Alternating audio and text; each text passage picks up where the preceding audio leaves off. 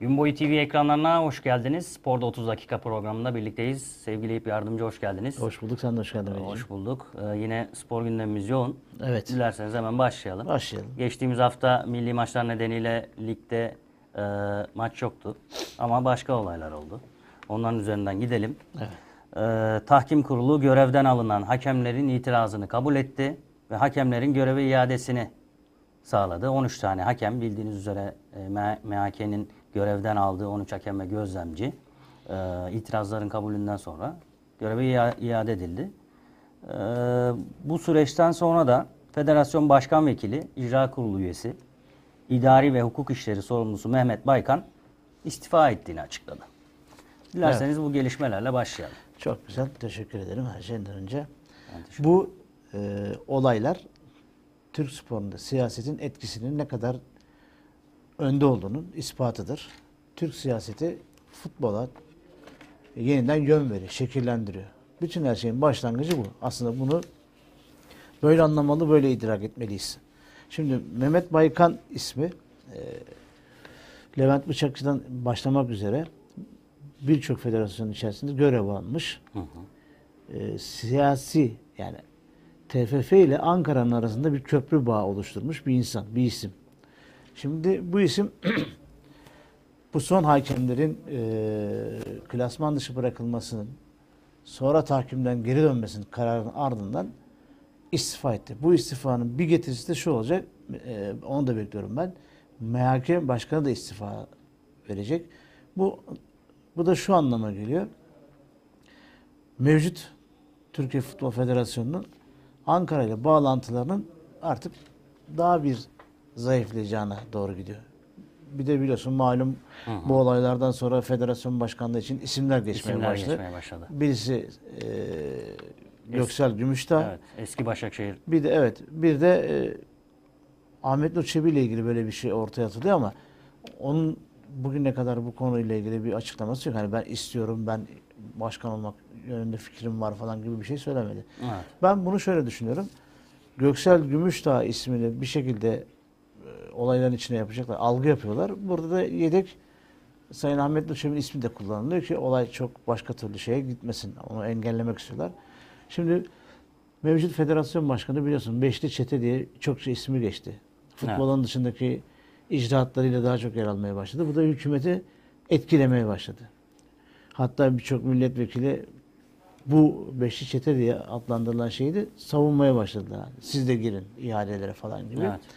Benim anladığım şey e, siyasetin bu işten artık rahatsızlık duymaya başladı ve yeni bir şekle doğru futbolu e, yönlendirmeye doğru gittiklerini görüyorum. E, bu Mehmet Baykan ismi de Göksel Gümüşdağ'ı destekliyor aynı zamanda. Bu ne demek?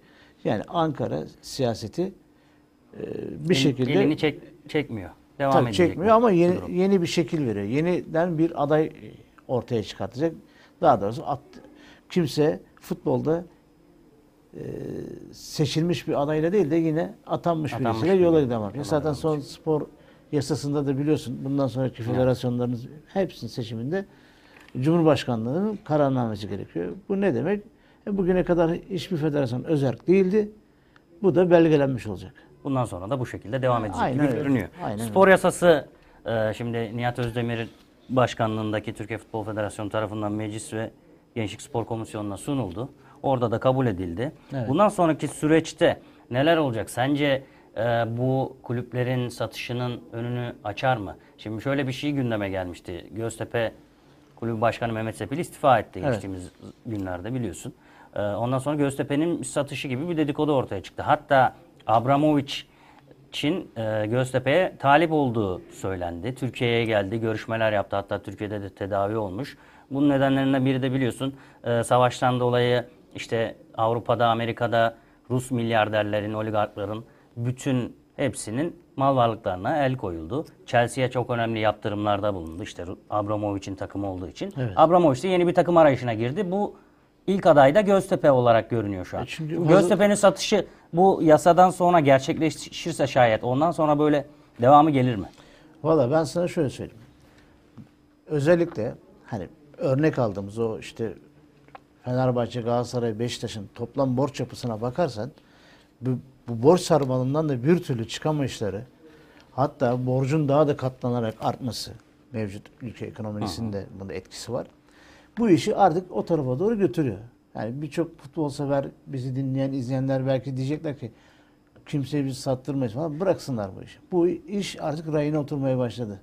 Ha buradaki önemli olan bu iş nasıl yapılacak? Neyi örnek alacağız? Yani bizim örneğimiz ne? Yani Premier Lig'deki gibi bir satış olacak? Yoksa İtalya'daki gibi mi olacak? Bunu bilmiyoruz. Bunun şekli şemali nasıl olacak? Bunu bilmiyoruz.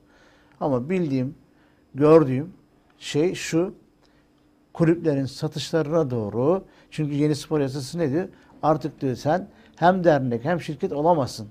Şirket olacak. Sadece şirket olacak. Bu ne demek? Evet. Şirketleşirsen senin satışın da kolaylaşır. Kesinlikle ben öyle. seni bana zaten bir dünya borcum var.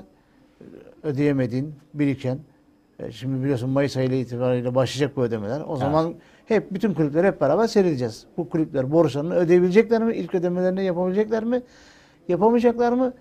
Yapamadıkları için tekrardan siyasete gidip yeniden bir öteleme, yeniden bir şekillendirme isteyecek miler? Bunu göreceğiz hep beraber.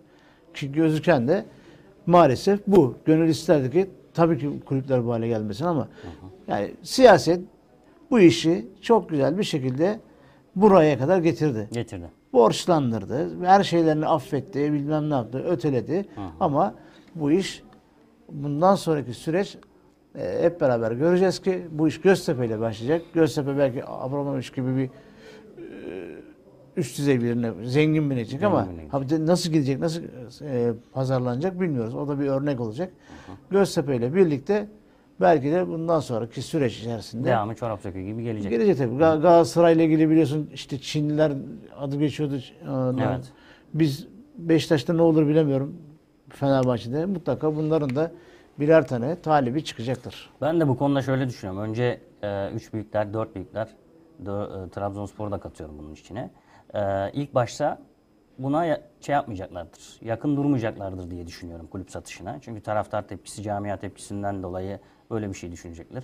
Fakat satın alınan kulüplerin sportif başarısı gelirse, yani Chelsea örneğinde olduğu gibi olursa, Chelsea, Chelsea nasıldı ilk satın alındığında? Yani orta İngiltere Premier Lig'in orta düzey bir takımıydı. Sonra ne oldu? Üst üste şampiyonluklar almaya başladı. İşte Şampiyonlar Ligi'nde başarı geldi vesaire vesaire. Daha sonra diğer kulüplerin de satışı başladı yavaş yavaş. İşte Manchester City satıldı, Liverpool satıldı. Şimdi Newcastle'ı İyi bir örnek teşkil ettiği için arkası açıldı. Evet arkası açıldı. Şu an İngiltere Premier Ligi'nin marka değerini biliyoruz hepimiz. Yani neredeyse Şampiyonlar Ligi ile başa baş bir marka değeri söz konusu. Ee, orada aldıkları reklam ve sponsorluklar da bunun içerisinde dahil. Ee, diğer Avrupa liglerinde de e, bu böyle. Mesela Fransa Ligi'nde Paris Saint Germain'in satın alınmasıyla birlikte Fransa Ligi'nde popülaritesi çok daha yükseldi. Evet, Şimdi Messi, Neymar vesaire şu an Yıldızlar topluluğu olan kadrosu her ne kadar sportif başarı gelmese de Bu iş öyle başlıyor zaten. Öyle Yani başlıyor. popülist bir şeyle başlıyor. Aynen öyle. Ee, bilmiyorum bizde de öyle olacak. Daha sonra Beşiktaş, Fenerbahçe, Galatasaray, Trabzonspor'da daha sonra bu furaya katılacak gibi düşünüyorum. Ben sana şöyle söyleyeyim. Taraftar tepkisinden dolayı kimse çekinmesin. Türkiye'de öyle bir yeni taraftar profili var ki. Mesela dün karşı çıktıkları bir şeye iki gün sonra, iki galibiyet sonra şak şak yapıp alkışlayanlar var. O yüzden bu işler Evet maalesef. çok bizde çok rahat olur. Kafanı yorma. Hatta öyle de bir Allah'ı pullarlar ki bir merak o olan adam gökten peygamber gibi indi deyip alkışlarsın yani. Biraz böyle sportif başarı e, işte popüler başarı olduğu zaman hemen Tabii, unutabiliyoruz. Toplumsal hafızamız Yani zaten Avrupa'da iyi. 3 tane başarı al. Güzel bir tur geç falan. Bak nasıl sana hemen destek yağıyor. Şimdiye kadar neredeydin şarkısını bile söylerler. Yani. Kesinlikle. Şimdi e, spor yasasında bazı kurallar var. Bunlardan biri de yeni menajerlik kuralları aslında dikkat çeken konulardan biri bu. Evet. Şimdi futbolcular ve spor kulüpleri ile spor anonim şirketleri profesyonel futbolcu sözleşmesi veya transfer müzakerelerini yürütmek için futbol menajerlerinin, menajerlerinin hizmetlerinden yararlanabilecek. Futbolcu ile imzalanacak menajerlik sözleşmesinin noter düzenleme şeklinde, noterde düzenleme şeklinde yapılması zorunlu olacak. Menajerle, menajerlik sözleşmesi en fazla 2 yıl için yapılabilecek. Şimdi burası önemli. Evet. Bir süre verdi artık bundan sonra. Yani Evet. sonsuza kadar iş yapmayacaksın. Olmayacak. Yani menajerlerin ağına düşmüş futbolcu e, durumu ortadan kalkıyor olacak biraz. Evet. Yani menajerler ne derse onu yapıyordu ya. Şimdi kulüplerin çıkarı söz konusu. Şimdi Ali Akman diye bir futbolcu vardı biliyorsun Bursa Spor'da. Evet. Ee, Ayhan Akman'ın Ayhan eski Galatasaraylı Ayhan Akman'ın da kardeşi. e, kuzeni, Kar- şey yeğeni kuzeni. pardon düzeltiyorum. Yeğeni. Şimdi bu çocuğun sözleşmesi bitmeye yakın e, gelecek vaat eden bir futbolcu. Avrupa kulüpleri peşinde. Sözleşmesi bitmeye yakın bunu e, menajer oyunlarıyla Bursa Spor'a bonservis kazandırmadan Avrupa'ya transfer ettiler. Ya bu menajer oyunları genç futbolcular üzerinden mesela Ersin'de de var. Serdar Aynen var, var yani. Sözleşmesi eğer ki garanti altında değilse yani kulüp önceden uyanıp Aa, bu çocukta gelecek var bunun sözleşmesini uzatayım demiyorsa daha sonra başına dert oluyor. Yani daha doğrusu dert oluyor dediğim büyük bir maddi kazancı Kayıp içine gidiyor. e, elin tersiyle itmiş oluyor. E, bu bundan sonra ortadan kalkacak diye düşünüyorum. Eyvallah. Ya şimdi şeyi doğru söylüyorsun aslında. Hani yeni spor yasasına baktığımız zaman futbolun geleceği adına olumlu şeyler var içerisinde barındırıyor. Ama hani söz konusu şey bizim ülkemiz olunca Evet. ha bizde icraat farklı işliyor. Mesela şimdi menajerlerle ilgili göreceğiz. Hakikaten bu sistem uygulanacak mı? Banka teminatı işte verecekler mi? Her Evet. şey Kağıt bizim- üzerinde mi kalacak Kağıt üzerinde yani? mi kalacak? Bunu göreceğiz. O bize yani şey gibi düşün. VAR sistemi geldiğinde ilk tartışıyorduk. VAR sisteminin normalde baktığında futbola katkısı var ama ya söz konusu olan burası. İşte gördük VAR sisteminin bu ülkeyi futbolun ne hale getirdiğini. Bir Kesinlikle. faydası olmadı. Yani MFÖ'nün bir şarkısında geçen bir söz var. O çok hoşuma gidiyor da. Teoride zehir gibiyiz abi. Pratiğimiz sallanıyor. Evet biz hep sallanıyoruz. Zaten sallanmayı seviyoruz. Evet. Yani bize rahatlık verdiği için, rahat verdiği için. O yüzden de bazı işler yoluna gitmiyor. Şimdi e, Aziz Yıldırım ameliyat oldu. Geçmiş olsun Evet dileyelim. ona geçmiş olsun. E, diyelim Fenerbahçe eski başkanı. E, Ali Koç'un hastanesinde ameliyat oldu bu arada. Evet. Öyle de bir durum var. Şimdi ironik bir durum çünkü bir sonraki e, okuyacağım başlık şu. Fenerbahçe'de Ali Koç Aziz Yıldırım savaşı yüksek tansiyonda. Evet. Şimdi böyle bir gündem varken e, orada ameliyat olması yani Türkiye'de bir sürü üst düzey hastane var. Niye gittin oraya? Niye gitti oraya diye akıllara soru işareti gelmiyor değil. Ee, 9 Nisan'da Fenerbahçe'de Yüksek Divan Kurulu seçimleri var. Biliyorsun geçtiğimiz bölümlerde de konuşmuştuk. Vefa Küçük ve Uğur Dündar arasında yaşananlar vardı. Evet. Ee, genel kurulda başkanlık seçimleri için bir prova niteliği taşıdığı gibi bir durum söz konusu. Vefa Küçük geçtiğimiz dönemde zaten yani şu an mevcut durumun divan kurulu başkanı. Ee, bu seçimde de Ali Koç Aziz Yıldırım savaşı e, öngörülüyor. Aziz Yıldırım e, resmi olarak açıklamadı galiba adaylığını. Ben hatırlamıyorum. Yok açıklamadı ama, Ama- büyük bir ihtimalle bu seçim yani Yüksek Divan Kurulu seçiminin sonucuna göre e, elindeki durumun ne kadar kuvvetli ya da ne kadar zayıf olduğunu görecek. Ona göre bir kendisi belki aday olmasa bile Hı hı. birini mutlaka destekleyecek. Bu yani zaten kendisinin geçmiş dönemlerde söylemi de var. Evet. Hatta biz bu e, Ali Koç Aziz Yıldırım Savaşı dediğimiz sözü biz burada başlatmıştık geçen Doğru. hafta.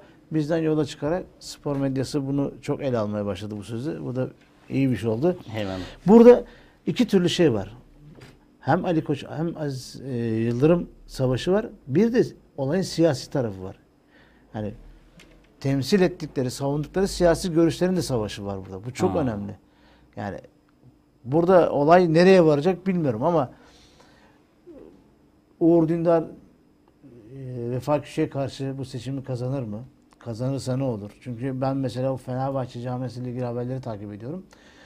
Ee, orada biliyorsun divan üyeleri normalde gelip oy kullanıyorlar. İşte kul- o- oy kullanmak için aidat yatırmanız lazım. Aidat yatırımlarının az seviyede olduğu söyleniyor. Belki bu hafta bu seviye yükselecek.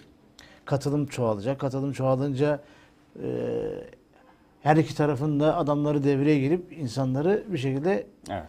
toplamaya çalışacaklar. İşte Uğur Dündar'a sen ne için davet edilen yerlere gelmiyorsun gibi bir tepki var. O da basın yoluyla derdini anlatmaya çalışıyor. Hı hı. Bilmiyorum ne olacak ama yani geçen hafta burada söylediğimiz şey vardı. Vefa Küçük'ün Uğur Dündar'a karşı söylemi çok şık değildi. Uğur Dündar'ın da ona karşı cevabı güzel, naifti. Fakat bu savaş e, inan ki Fenerbahçe'nin e, başkanlık seçiminin ön provasıdır. Bunu net söyleyebiliriz yani. Buradaki savaşı kazanan kongrede de ona göre yol alır. Yol alır. Hatta yani şöyle Aziz Yıldırım'ın e, Ali Koç'un hastanesinde ameliyat olmasından yola çıkarsak sanki Ali Koç kazanacak gibi bir hava da yaratılmış olabilir. Ha bak görüyor musun? Yani arasında aralarında bir şey yokmuş falan gibi ama Evet. bu işler tabii öyle olmuyor maalesef. Maalesef. Galatasaray'da da benzer durumlar söz konusu. Galatasaray'da da erken seçim var biliyorsun. O Ee, beklenen şeydi, gerçekleşti. Evet, olağan genel kurulda ibra edilmedi Burak Elmas ve yönetimi. Ee, önümüzdeki 23 Nisan'da sanırım yapılacak. Yeterli çoğunluk olmazsa Evet, genelde öyle. 30 İlk, Nisan'da ilk şeyde yeterli çoğunluk olmuyor. Bir sonrakine yani 30 Nisan'da olacak büyük bir ihtimalle. Şimdi biz burada geçen hafta olağan kongredeki ibra edilip edilmeme olayını bilmiyorduk. Sadece şunu söyledik. Büyük bir ihtimalle ibra edilmeyecek. Evet. Bu ibra edilmemek de ama idari anlamda ibra edilmediler. Mali anlamda ibra edildiler. Şimdi Doğru. bu da bu ayrı bir tartışılması gereken bir şey. Bu diğer kulüplerde de var. Kardeşim idare edemediğin dediğin adam senin mali yönden nasıl idare edebiliyor? Bu bir ayrı bir şey. İkincisi daha da önemlisi şimdi bu spor yasası niye çıktı? Kulüpleri bir denetim altına almak için çıktı değil mi? Halbuki demek ki eğer bu kongrelere baktığımız zaman çok da spor yasasına gerek yok. Sen kendi içerisinde tüzüğünü düzeltirsen, gerekli önlemleri alırsan, seni yönetenleri belli bir e, kurallar içerisinde çerçeveleyip de adımlarını kontrol edersen olmuyormuş değil mi? Bak mesela Evet. Galatasaray'da gördük. Bir ibra etmediler. Hemen genel seçim kararı alındı. Şimdi bir sürü aday çıkacaktır büyük bir ihtimalle. İşte Dursun Özbek'ten ismi geçiyor. Hamamcıoğlu'nun ismi geçiyor. Derin Galatasaray'ın en büyük adayı. O geçen sefer Evet. Geçen sefer de çok az bir oyla kaybetmişti. Sonrasında Burak Elmas'ı çokça uyardı. Bak senin yaptığın bu şeyler, icraatlar yanlış. Galatasaray camiası seni bu şekilde onaylamaz diye. Ama maalesef orada başka şeyler devreye girdi. İşte o Işıtan e, Bey, Işıtan gün. Işıtan Gün'ün mesela kulübün menajerler zapt etmiş, her şeyi onlar yapıyor. Bir, bir sürü açıklamalar geldi. Bu işler bak çok fa- farklı yönlere gidiyor. Yani spor yasası aslında bir nevi hem iyi bir şey hem de bana göre keşke spor yasasına gerek kalmadan kulüpler kendi içinde bu işi yapabilselerdi. Bak yapabiliyor musun? Galatasaray camiası bakalım ne olacak, ne bitecek? Kimi Hmm. başkan yapacaklar? Derin Galatasaray mı kazanacak orada? Yani liseli tayfası mı kazanacak? Yoksa diğer taraf mı kazanacak? Fatih Terim katılmadı kongreye. Fatih Terim üzerinden çok fazla spekülasyon yapıldı. Yani Maalesef. yani- normal. normal. yani Medya alıştığımız bir yani şey. bunu yapmakta normal. Onlar da kendi haberlerinin okutulmasını istiyorsa. Ben geçen mesela bir şey e, duydum. Yani Fatih Terim'in hala yani böyle hani başkanlıkta falan adı geçiyor ya. Onun aslında bir başkanlık falan seçtiği yokmuş. O hala kendisini kim tekrar teknik direktör yapacaksa onu destekleyecekmiş. Yani Enteresan. hocam artık lütfen ya. Yani Fatih Terim başkan olmak istiyor tabii ki. Ama Fatih Terim Galatasaray'da başkan olabilmesi için Galatasaray Lisesi'nin etkinliğinin azalması lazım ki bu imkansız. Tabii oradaki Galatasaray o, evet o yapı çok önemli. Evet, çok önemli bir yapı lise. Ee, iş dünyasında, sanat dünyasında, spor dünyasında e, birbirlerini sürekli destekleyen, kollayan bir camia. Ee, kendi içlerinden olan insanları başkan yapmayı tercih ediyorlar. Ee, diğer kulüplerden farklı biraz Galatasaray'da bu Tabii ki. konu. O yüzden Fatih Terim'e çok sıcak bakmıyorlar. Hem siyasi duruşu Fatih Terim'in e, hem yani Galatasaray Lisesi'nde pek yani bir bağlantısının olmaması. Ya sevgili Veli çok doğru söylüyorsun. işi. Çok çok doğru söylüyorsun. Galatasaray'ın aristokrat bir yapısı var. Liseden kaynaklanan Evet. o yapı e, bugüne kadar kemik geçmiş bir şekilde durdu. Her türlü tavrını koydu. E, bundan sonra da koyacaktır. O yüzden dışarıdan gelenler yani Sayın Abdurrahim Albayrak gibi, Sayın Fatih Terim gibi isimler İmkansız. ya onların istediği gibi bir başkan olacak Evet. ya da olmayacaklar. Ama işin şu kısmı da var. Mesela kendi istedikleri gibi bir başkan iş, başkanın e, yönetiminde işler yolunda gitmiyorsa ona da müdahale ediyorlar. Gördük işte şu an. Çok iyi bir şey aslında. Çok değil mi? yani aslında olması gereken bu. Yani Galatasaray gayet demokrat bir ortam sergiliyor. Bakma sen. Kesinlikle öyle. Yani mesela diğer kulüplerin divan toplantılarına bakıyorsun. Ortada bir yayın yok, bir şey yok mesela. Ne oluyor, ne bitiyor? Adamlar açık net yaptılar. Kesinlikle öyle. Her şey şeffaf bir Evet. şekilde ilerledi. Biraz lige dönelim, Dönelim. istersen abi.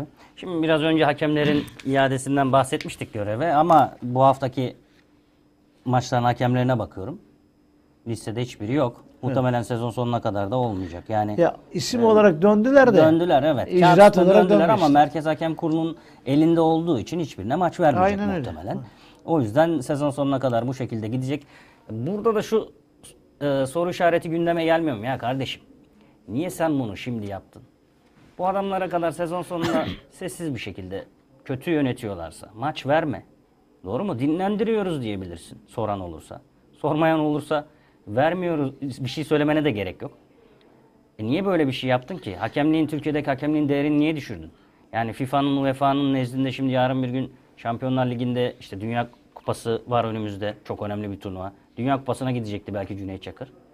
Ve bunu e, en fazla Dünya Kupası'na giden ilk Türk hakemi olacaktı.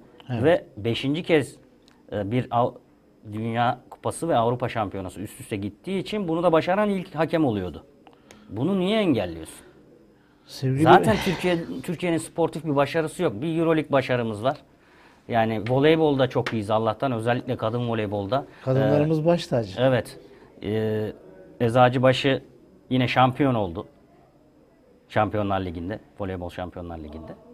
Ee, işte Anadolu Efes şampiyon oldu Euroleague'de. Fenerbahçe şampiyon oldu. Bunun dışında çok bir sportif başarıdan söz edemeyiz. Olimpiyatlarda aldığımız madalyalar ayrı. Halterde, güreşte yine alıyoruz bir şeyler de. Tüm bunlar söz konusuyken kardeşim yani bu adam bizi bir gururumuz. Niye sen bunun önünü kesiyorsun? Ya şimdi Veli, voleybolda 20 senelik atılmış bir temel var. Bir kültür oluşturuldu. bir- Evet, bir, oluşturuldu. sistem oluşturuldu. Ve biz meyvelerini yiyoruz. Basketbolda gene keza öyle. Futbol başka bir şey. Hani Simon Cooper'in kitabında dediği gibi futbol sadece futbol değil. Asla sadece Maalesef değil. Yani özellikle Türkiye'de hiç değil. Yani futbol severlerin cebinin, vicdanının, duygularının sömürüldüğü e, siyasi bir rant haline gelmiş bir yer burası. Bu alan. Düzelmiyor. Düzelmeyecek de. Çünkü bu ülkenin büyük bir çoğunluğu hala ısrarla bir kültürsüzlük, bir sistemsizlik içerisinde futbola evet demeye devam, Devam ettiği müddetçe bu işler böyle gidecek. Maalesef. Maalesef. Maalesef. Maalesef. Yani Peki. Şimdi demin ne dedik? Bizde icraat farklı oluştu. Gördük. İcraat bizde farklı. Kesinlikle öyle. Peki haftanın en önemli maçı Trabzonspor Beşiktaş. Ee, Trabzonspor kazanırsa büyük ihtimalle yani şampiyonluğunu matematiksel olarak ilan etmese de artık durduracak kimse yok diye düşünüyorum. şöyle- Şu anda da zaten öyle. Genel kanı da öyle. Ama neticede büyük bir maç. Beşiktaş yeni bir teknik direktörle sahaya çıkacak.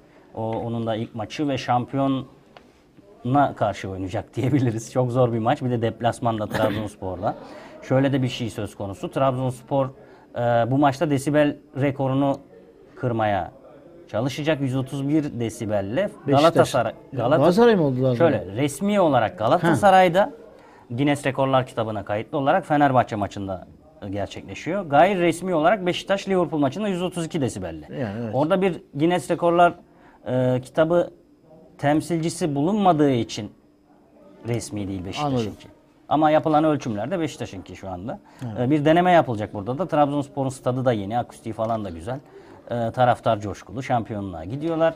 E, büyük ihtimalle kırılır diye düşünüyorum ben o rekorda. Onun dışında maça gelecek olursak e, birbirlerinin böyle kasetlerini falan izlemişler gibi haberler var.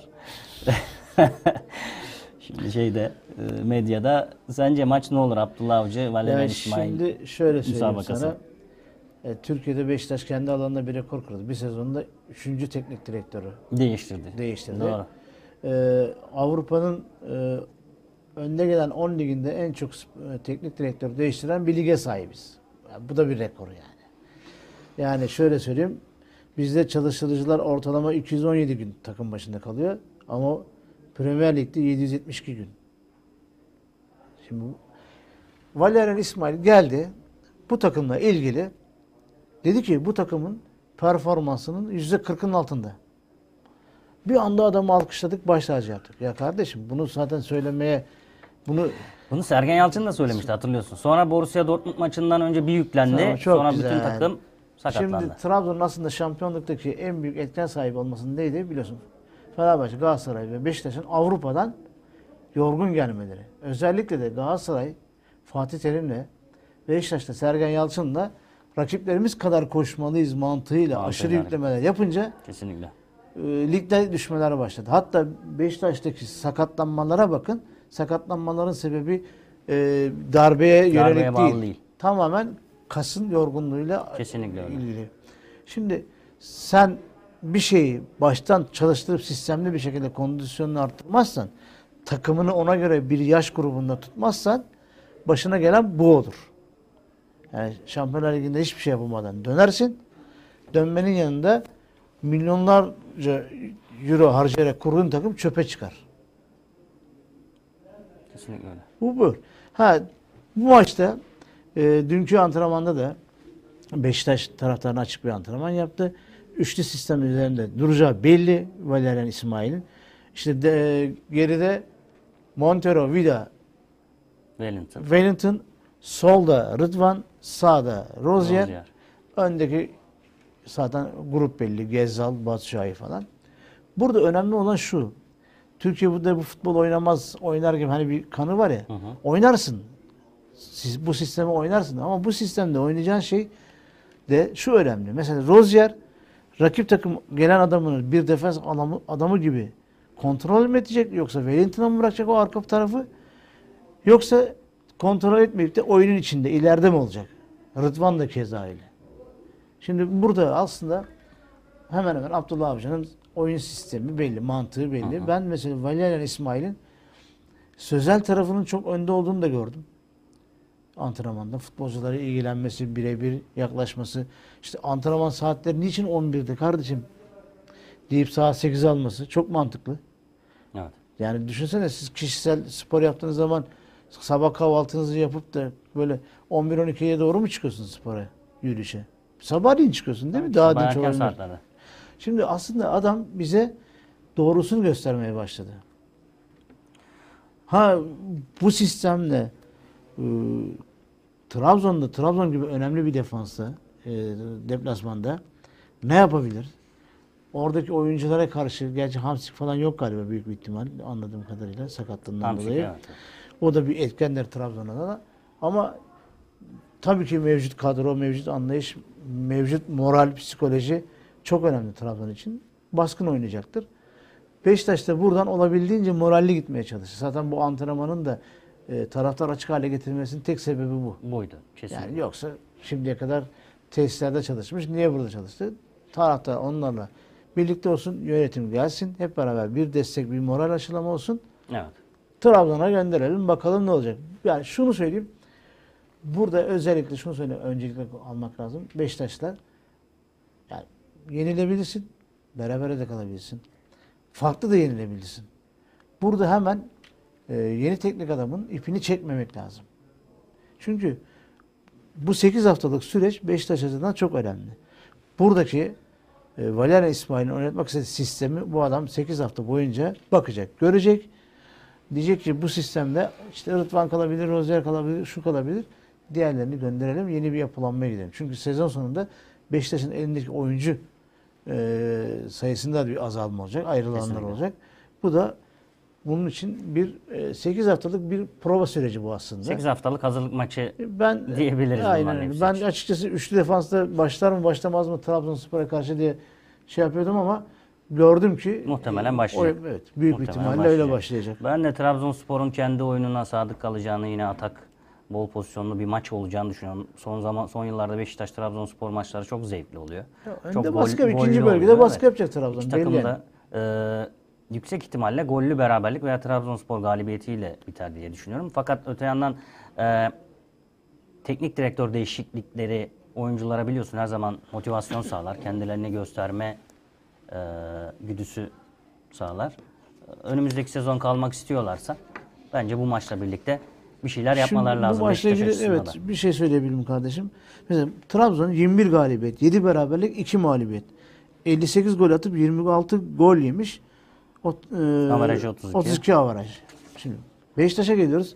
Beşiktaş'ın hep e, gol bölgesinde sıkıntılar olduğunu söylüyorduk ya. Aslında olay çok farklı Beşiktaş'ta. 12 galibiyet, 10 beraberlik, 8 mağlubiyet. 44 gol atıp 39 sana gol yemişsin. Biraz da fazla gol yiyor değil mi? Yani şimdi kimse bu, bu yöne bakmıyor. Bu yöne bakmıyor. Herkes Batshuayi'ye takıldı. İşte Kenan'a takıldı, Batshuayi'ye takıldı, Larin'e takıldı. Atamıyoruz, atamıyoruz. Ya atamıyorsun ama gol yiyorsun. Biz günah keçisi aramayı seviyoruz abi. Biraz öyle bir durum. Yani takım savunması Yapabiliyor mu takım buna kimse bakmıyor ama kolay olan e, bireysel performanslar üzerinden değerlendirme yapmak olduğu için tüm spor camiası bunu tercih ediyor. Son cümlem varsa alayım abi Bu yani eğer programı. işte, e, Beşiktaş'ın bu çok gol yeme problemini üçlü defans gibi hani şu anki kadroyla belki çok risk taşıyan bir oyun sistemiyle çıkarsan Belki çözülebilir. çözülebilir ya da tam tersi, tersi de olabilir. Trabzon'un ikinci bölgedeki baskısıyla bas, e, ileriye e, hücuma yönelik oyunu her şeyin senin e, Beşiktaş'ın aleyhine de olabilir. Peki teşekkür ediyoruz Evet. değerli görüşleriniz için. Ben teşekkür ederim beraber Sporda için. 30 dakikanın sonuna geldik. Önümüzdeki hafta yine aynı saatte görüşmek üzere. Hoşçakalın.